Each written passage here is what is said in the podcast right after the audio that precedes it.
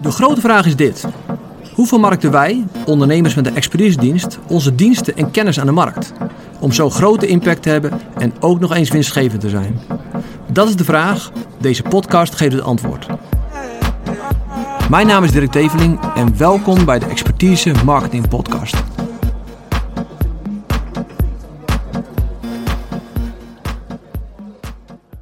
Dus vandaag. Vandaag ga ik het hebben over mijn verhaal. En dat eh, heb ik genoemd eh, van klusjesman tot expert. Uh, en dit verhaal vertel ik niet omdat het mijn leven nou super interessant is. Maar ik geloof wel dat mijn verhaal en wat ik meegemaakt heb, mijn hele reis in mijn bedrijf, dat het inspirerend kan zijn, maar dat het ook hoop kan geven voor jouw bedrijf. En dat je kan zien, en hoop ook dat het effect is van wat ik vertel, dat je hoop en verwachting krijgt voor je eigen bedrijf om het te laten groeien. We gaan, we gaan eerst even terug uh, naar toen ik geboren werd. Toen was ik nog vrij jong, heb ik gehoord. Uh, dat vertelden mijn ouders, die waren erbij. Ik zelf ook, maar ik herinner het niet meer. Uh, en dan gaan we vast forward naar dat ik afstudeerde, rond mijn afstuderen. Ik, deed, ik studeerde digitale communicatie in Utrecht. Een leuke opleiding. ging over organisatie, ging over mens en ging over techniek. Nou, ik had een technische achtergrond. Ik had LTS, MTS, HTS gedaan. Dus de techniek, dat ging met twee vingers in mijn neus. Ik kreeg veel vrijstellingen voor. Maar uh, dat was een super interessante opleiding. En op het moment dat ik startte met die opleiding, had ik eigenlijk een keuze. Ik, kan al, als bijbaantje kan ik gaan vakken vullen bij Albertijn. En nou, dat was een optie. Dat deden veel medestudenten. Of ik kon voor mezelf beginnen. Nou, dat laatste heb ik besloten. Dat was september 1996. Uh, ging ik op mijn fietsje, nou nee, met de auto denk ik. Ik had een eigen auto. Ging ik naar de KVK me inschrijven. Uh, en wat deed ik? Ja, ik noemde het ICT of IT, van IT-oplossingen. Dus mijn eerste klant was gewoon een huismoeder van een, met, met, een groot huis. Uh, en, en, een aantal kinderen waarbij de computer het niet goed deed. Dus ik ging erheen en ik ging die computer fixen. Nou, volgens mij is het de enige keer geweest dat ik een computer heb gefixt voor een klant. En in diezelfde tijd het was natuurlijk een beetje de tijd dat de internet opkwam. Ik had in mijn HTS-studie al uh, heel wat uh, ervaring opgedaan met internet. Dat was helemaal in de kinderschoenen nog. Dat was de eerste browser kwam uit. Waarmee je www.ibm.com in kon typen. En dan kreeg je een webpagina. Nou, dat was helemaal revolutionair in die, tijd. De eerste internetbrowser gedownload, de eerste beta daarvan. Dat heette Mosaic. En ik vond het super interessant, dat internet. En ik, ik weet nog dat, uh, dat ik er helemaal enthousiast over was. En mijn oom, die, die werkte bij Capgemini. Hij heet toen nog Cap Volmak. En die zei tegen mij, Dirk, ah, dat internet dat gaat nooit tot worden. Nou, dat, nu zijn we heel wat jaartjes verder en nu weten we dat hij geen gelijk heeft gehad. en dus ik was super geïnteresseerd en geïntrigeerd door het internet. Dus ik, begon, ik leerde mezelf hoe ik een website kon maken.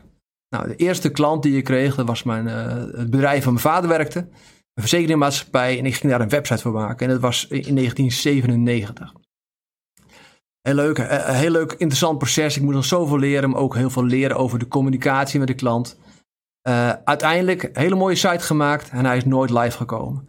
Omdat het allemaal nog zo, in, zo spannend was voor zo'n organisatie om out there te zijn. Om een site te hebben wie iedereen kon bezoeken. Ze hadden het gevoel dat ze eigenlijk de, de deur van het kantoor openlieten en niet meer op slot deden. Dat vonden ze super, super spannend allemaal. Dus hij is nooit live gekomen. Maar ik ben dus, dus in die tijd, tijdens mijn studie, ben ik gewoon wat klusjes gaan doen. Uh, en op een gegeven moment ging ik afstuderen uh, voor digitale, communicatie. En dat heb ik gedaan in mijn eigen bedrijf. Dus ik liep stage in mijn eigen bedrijf. Ik kreeg betaald uh, voor mijn klanten. Weer bij, een, een, een, een, verzekeraar. In Leusden zat hij. Uh, erg leuke tijd, veel geleerd. En uh, nou, toen ik klaar was in, in, in, ik denk dat is 2000, 2000 geweest, halverwege 2000, ging ik fulltime voor mezelf werken. En, en dat was de tijd van de internetbubbel. En, en de internetbubbel was echt een beetje een overhyped gedoe. Want alle grote bedrijven doken op het internet. Want dat was het helemaal. en het leuke daarvan is als je het, het woord internet kon spellen en als je maar een beetje verstand van had, dan had je al werk als water. Dus ik had eigenlijk best wel een, hoe zeg ik dat, een, een slechte start. Ik zal zo meteen uitleggen waarom het een slechte start was. Want ik hoefde helemaal niks te doen om klanten te krijgen. Want ik kon een beetje programmeren, ik kon websites bouwen. Nou, dat was helemaal in het begin. Uh, haast niemand kon dat nog. Dus ik had echt werk van alle kanten en ik kon gewoon kiezen met wie ik wilde werken en wie niet. Sommigen waren er boos van. Weet nog een keer dat ik bij een grote kabelmaatschappij, volgens mij in Amsterdam, ik weet de naam niet meer, maar later overgenomen. En toen zei ik aan het einde van het gesprek, nou ik doe het toch niet. En toen waren ze eigenlijk best wel pissig, want ze hadden iemand nodig en ik kon wat ze nodig hadden. Maar het gaf me een hele luxe positie. Ik kan ook flinke tarieven vragen. Ik vrienden, nou, we hebben geld als water. Waar mijn vrienden een jaar voor moesten werken, dat deed ik in twee maanden. Dus dat was leuk. Maar het was ook een beetje valkuil. Want ik hoefde niet zo hard te werken. Dus ik, ik lummelde wat. Uh, want nou, als ik een aantal uren in de week werkte, had ik weer genoeg geld. En uh, nou, ik woonde goedkoop met mijn vrouw in Deventer op appartementje. En uh, we hadden het goed, maar we hoefden geen, nou, geen 20.000, 30.000 euro per maand te verdienen. Als ik een paar maanden flink gewerkt had, had ik weer genoeg. en het maakte me meteen een beetje lui. En dat is niet echt mijn karakter, maar ik hoefde er niet zoveel voor te doen. En wat ik al net zei, dat was een beetje een slechte start. Want ik hoefde niet iets aan marketing te doen. Ik hoefde niks aan sales te doen. Het, het liep allemaal vanzelf. Uh, nou, op een gegeven moment, uh, als je dan goed verdient en je geeft niet heel veel uit, en op een gegeven moment ontdek je dat er opeens heel veel geld op je rekening staat. Uh, en dat ontdekten we dus ook. en ik weet nog een moment dat we tegen elkaar zeiden van, laten we op wereldreis gaan. Laten we een grote reis gaan maken. Nou, dat is een leuke beslissing. We hebben de boel toen appartement opgezegd, onze spullen opgeslagen. en we zijn tien maanden reizen geweest in Afrika en Midden-Amerika echt een hele mooie tijd geweest. Echt heel goed. Maar na tien maanden was ongeveer het geld op. Ik moest nog wat belasting betalen van de jaren daarvoor, want het waren goede jaren. Als je goede jaren hebt, moet je ook veel belasting betalen. Dat is altijd een eh, goed teken. Uh, en toen kwamen we terug en toen was de internetbubbel uit elkaar gespat.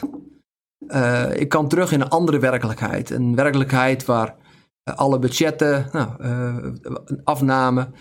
mensen wat kritischer waren over internet. Maar aan de andere kant ook wel de kleine bedrijfjes ook wel er iets mee gingen doen. Dus ik had wel werk en omdat het uurtarief prima was en mijn kosten laag, ging het allemaal prima. Nou, ondertussen verhuisden we naar, naar Apeldoorn, een huis gekocht hier, een klein huis, nou, een redelijk huis, met drie slaapkamers, met z'n tweetjes erin. en nou, dat hobbelde wel wat verder. ik begon wat te leren over zoekmachine-optimisatie en dat was ook een beetje, dat kwam toen op. Dat was ik denk ergens in, uh, in 2003, 2004 was dat. Ging ik een beetje experimenteren en het werkte leuk. Uh, en toen kwam ik twee jongens tegen. Uh, die eigenlijk weer dezelfde visie hadden. Dus toen zijn we op een gegeven moment samen een bedrijf gestart. Hun als kompions erin. En dat was leuk. Want toen was ik niet meer alleen. Toen hadden we een team. Toen hadden we een bedrijf. We hadden we echt een, een beetje een uitstraling. En dan ging het niet alleen om Dirk. en dat gaf me energie. Want dan ben je samen het werk. Nou, leuke tijd gehad, maar de eerste kompion die zei na anderhalf jaar van ja, ik ben gewoon een programmeur. Laat mij maar gewoon programmeren, maar ondernemen is niet mijn ding. Uh, dus die ging op een gegeven moment weg of die heeft nog een tijd voor ons in loondienst gewerkt.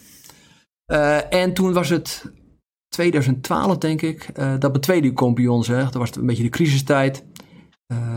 zijn vrouw raakte de baan kwijt, financieel was het lastig, ook met ons bedrijf. Want nou, eerst verdiende ik zo'n 30.000 euro per jaar. Maar nu waren we opeens met drie families die ervan moesten eten. Dus er moest meer worden verdiend. En dat was best wel een uitdaging nog. Maar goed, toen besloot hij ook om weg te gaan. En ik weet nog, in die tijd was het best wel krap. ik weet zelfs nog een keer dat we nou, in die maand 1000 euro winst hadden. en die moesten met z'n tweeën verdelen. Nou, daar, daar kan je toen niet van leven. Dus het was best wel een uitdagende tijd. Maar goed, ik ging verder. Ik moest hem eens uitkopen. Dus daar had ik eigenlijk geen geld voor. Dus ik leende geld van mijn vader om hem uit te kopen. Maar goed, daar was ik vanaf. Kon ik verder. nou, even inzoomen op die tijd. Wat we, deden wij toen? Wij ontwikkelden websites, webshops, webapplicaties. Nou, dat was best wel leuk. dacht ik toen. Maar er kwam steeds meer concurrentie. Want elke student krijgt tegenwoordig iets over HTML op, op, zijn studie. En steeds meer mensen konden wat wij konden. En, dus dat betekent dat er heel vaak offertes niet doorgingen. en dat we wat aan de prijs moesten doen.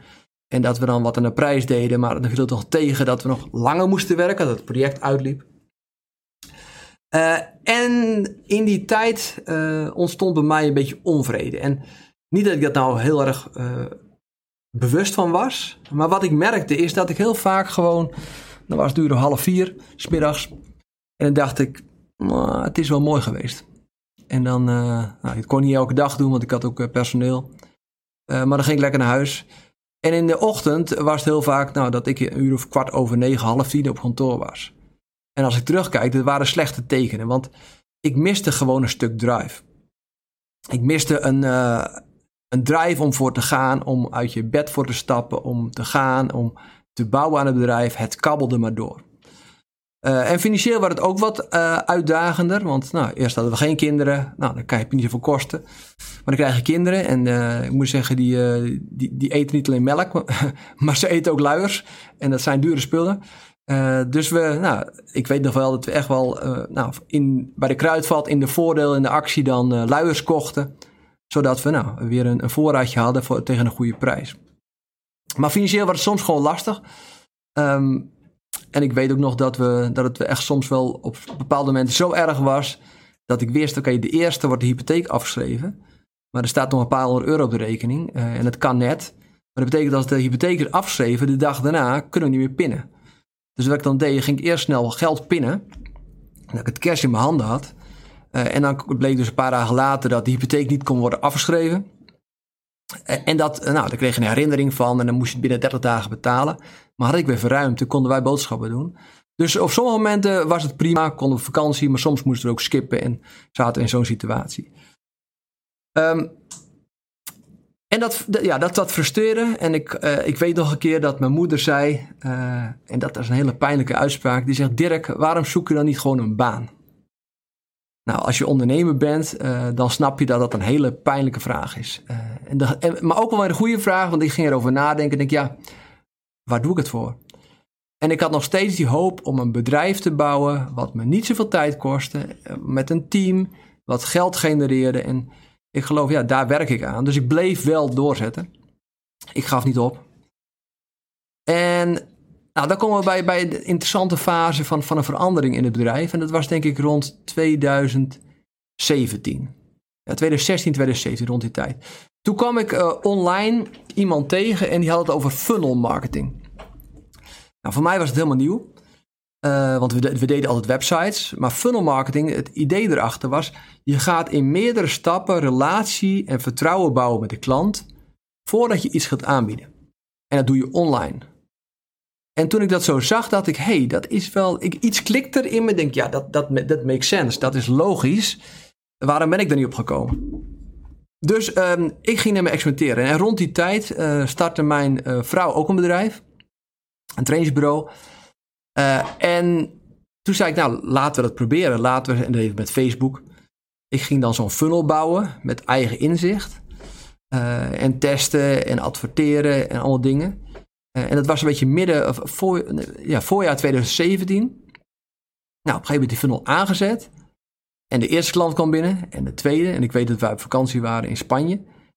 En bijna eh, elke paar dagen was het weer pling, weer een mailtje met een nieuwe aanmelding.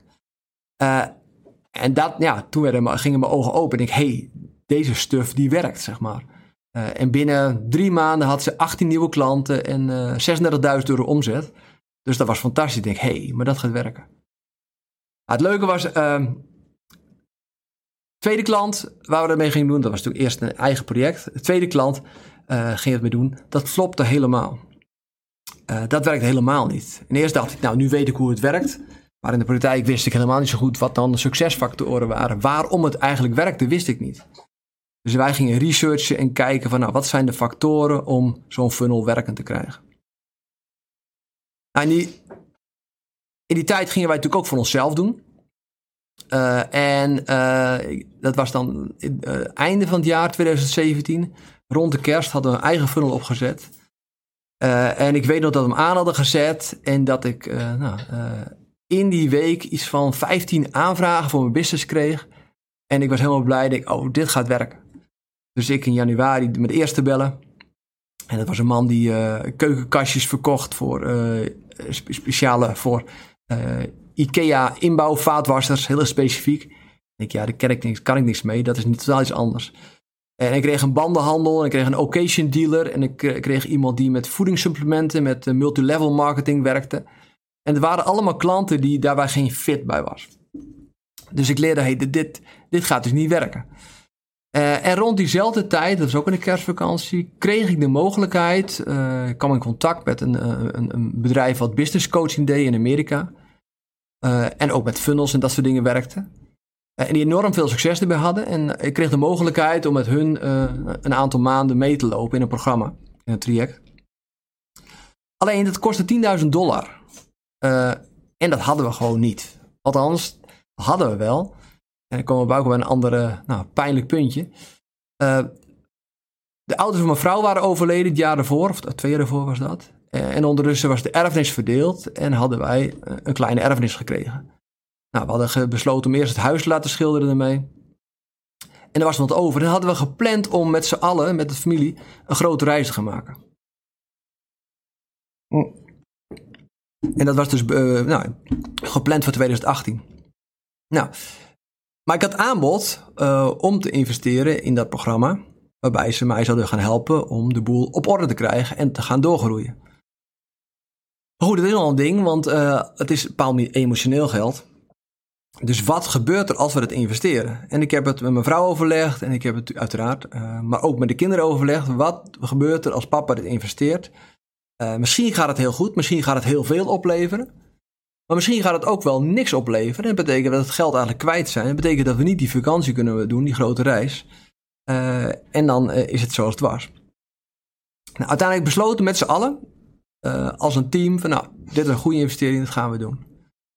Nou, ik was super gedreven, dus ik was nou, bijna dag en nacht aan het werk. En ik deed precies braaf wat zij allemaal zeiden. Maar het werkte niet. Want uh, ik leerde Amerikaanse marketing.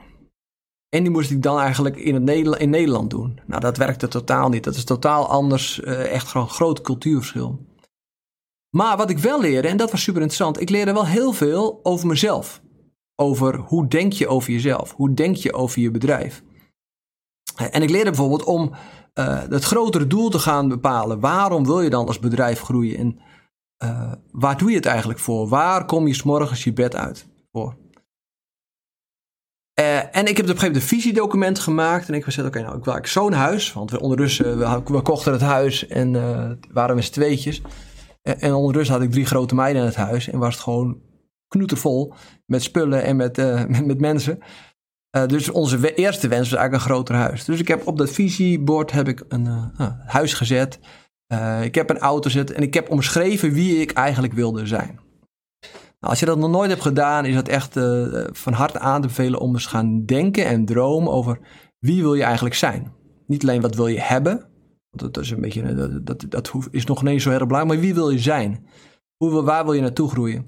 En dat, dat document heb ik geschreven in, in januari 2018. En daar ging ik elke dag mee aan de slag en ik ging het wat fine-tunen en verbeteren. Uh, en ik merkte dat ik zelf begon te veranderen. Uh, en dat ik iets meer, dat ik anders over mezelf ging denken, anders over een bedrijf ging denken. En dat ik dus ook andere beslissingen ging, ging nemen, ook qua investeren. Want investeren in bedrijven deed ik eigenlijk zelden. Ik had meer kosten dan investeringen. En kosten moesten, ja, je moest de huur betalen. Maar ik begon meer te investeren en ik begon het bedrijf meer anders te zien eigenlijk. nou, dat was een hele leuke journey. En uh, ik weet nog rond die tijd, dat ik, wij lopen vaak maandagavond een rondje in de buurt. Dat ik tegen mijn vrouw zei, ik zeg, als we de code kunnen kraken, als we het voor elkaar kunnen krijgen, dat we weten, oké, hoe dit werkt. Ik zeg, dan is de sky the limit. Want als wij op automatische piloot klanten kunnen binnenhalen, ja, dan hebben we altijd genoeg werk. Dan kunnen we hebben keuze in klanten. En dan kunnen we enorm hard groeien. en dan is de sky the limit. Nou, voordat het uh, zover was, dat duurde best nog een tijd. Want heel 2018 ben, zijn we experimenteren geweest. Kijken wat werkt, wat werkt niet. Uh, nou, er werkte heel veel niet. En we moesten eigenlijk die hele marketing vanuit de Amerikaanse uh, cultuur vertalen en omvormen en testen hoe dat dan in Nederland werkt. En ik weet nog dat het december 2018, dus bijna een jaar verder, dat was Sinterklaas, ging met, de laatste funnel live dat jaar. Uh, en leads kwamen binnen. Uh, en er zat een doorlooptijd van lead naar klant. Uh, en ik kreeg aanvragen. En nou, voor de kerst had ik al twee nieuwe klanten. Ik denk, oh, dat gaat leuk. in januari had ik er vier. in februari had ik er zes. En toen begon de boel te lopen. Die machine die begon nou, op gang te komen. ik had zeker, ik wist wat ik qua omzet had. Dus ik ging meer investeren in advertenties. En dat was trouwens allemaal op LinkedIn. En zo begon die sneeuwbal langzaam te rollen. Uh, en leerden we wat werkt en, wat niet werkt. En we kregen klanten. Uh, uh, we gingen met die klanten werken. we zagen succes bij die klanten. Dus dat gaf nog meer energie. nou, en, en, nu dan zeg maar, nu, nu is 2022. heel wat jaar verder, heel veel geleerd over wat werkt en wat niet werkt. Maar nu hebben we echt wel de code gekraakt. Dus we weten nu hoe kan je een business, en dan gaat het vooral op een expertise business, hoe kan je in de markt zetten? Hoe kan je content schrijven die aantrekt? Hoe kan je zorgen dat het geautomatiseerd is? Hoe kan je zorgen dat je goed eh, gepositioneerd bent? Hoe kan je goed sales doen? Uh, nou, daar helpen nu onze klanten mee. We zitten nu wel in een fase waarbij de markt weer verandert. Want dingen die in 2018 heel makkelijk werkten, die werken nu nog steeds wel maar niet zo heel goed meer. Dus we zijn al nou, continu zijn we bezig met het verbeteren en uh, nou, processen, nieuwe experimenten doen op LinkedIn en allemaal nieuwe technieken en aanpakken te testen. En uh, nou, dat is uh, bijvoorbeeld dit, een podcast of een, een livestream, een, een, een voorbeeld van. nou, we leren dus elke dag en we genieten heel erg van met onze klanten te werken.